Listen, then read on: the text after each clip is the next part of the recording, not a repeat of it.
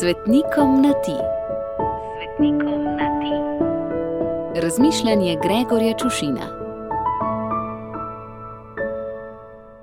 Ljubi moj sveti Ciril Jeruzalemski. Rojen si bil v času, ko je cesar Konstantin po vsem cesarstvu razglasil versko svobodo. Pripadaš torej čisto prvi generaciji, ki svojega krščanstva ni bilo več treba skrivati.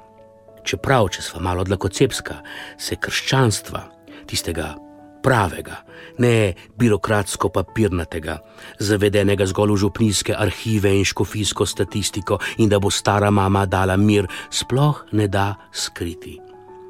Nekdo, ki živi iz krsta, ki je oblekel Kristusa, ki je v Kristusu postal nov, odrešen človek, tega ne more skriti.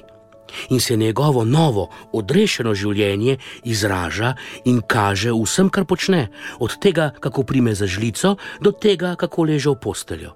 Ker je življenje in ne le življenjska odločitev ali nazor. Življenje, ne teorija ali celo filozofija. Ker ne gre za način razmišljanja, ki mu potem življenje skuša slediti, ampak gre za življenje, ki spremeni način razmišljanja ker gre za ljubezen. In se mi zdi, da bolj ko je zaradi političnih ali družbenih razmer potrebno skrivati krščanstvo, vero, bolj se ta kaže in razodeva.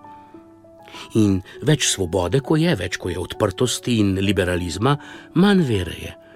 Oziroma, bolj jo zgolj kažemo z javnimi manifestacijami, procesijami, pobožnostmi, skriži na stenah, rožnvenci okoli vratu, ni pa ljubezni.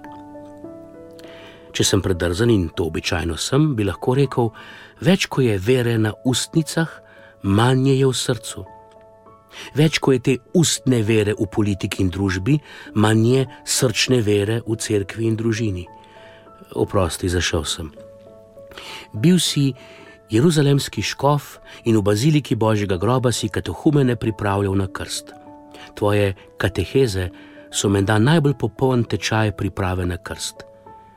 Pravim menda, ker jih ne poznam. Nihče me ni naučil, nihče pripravil.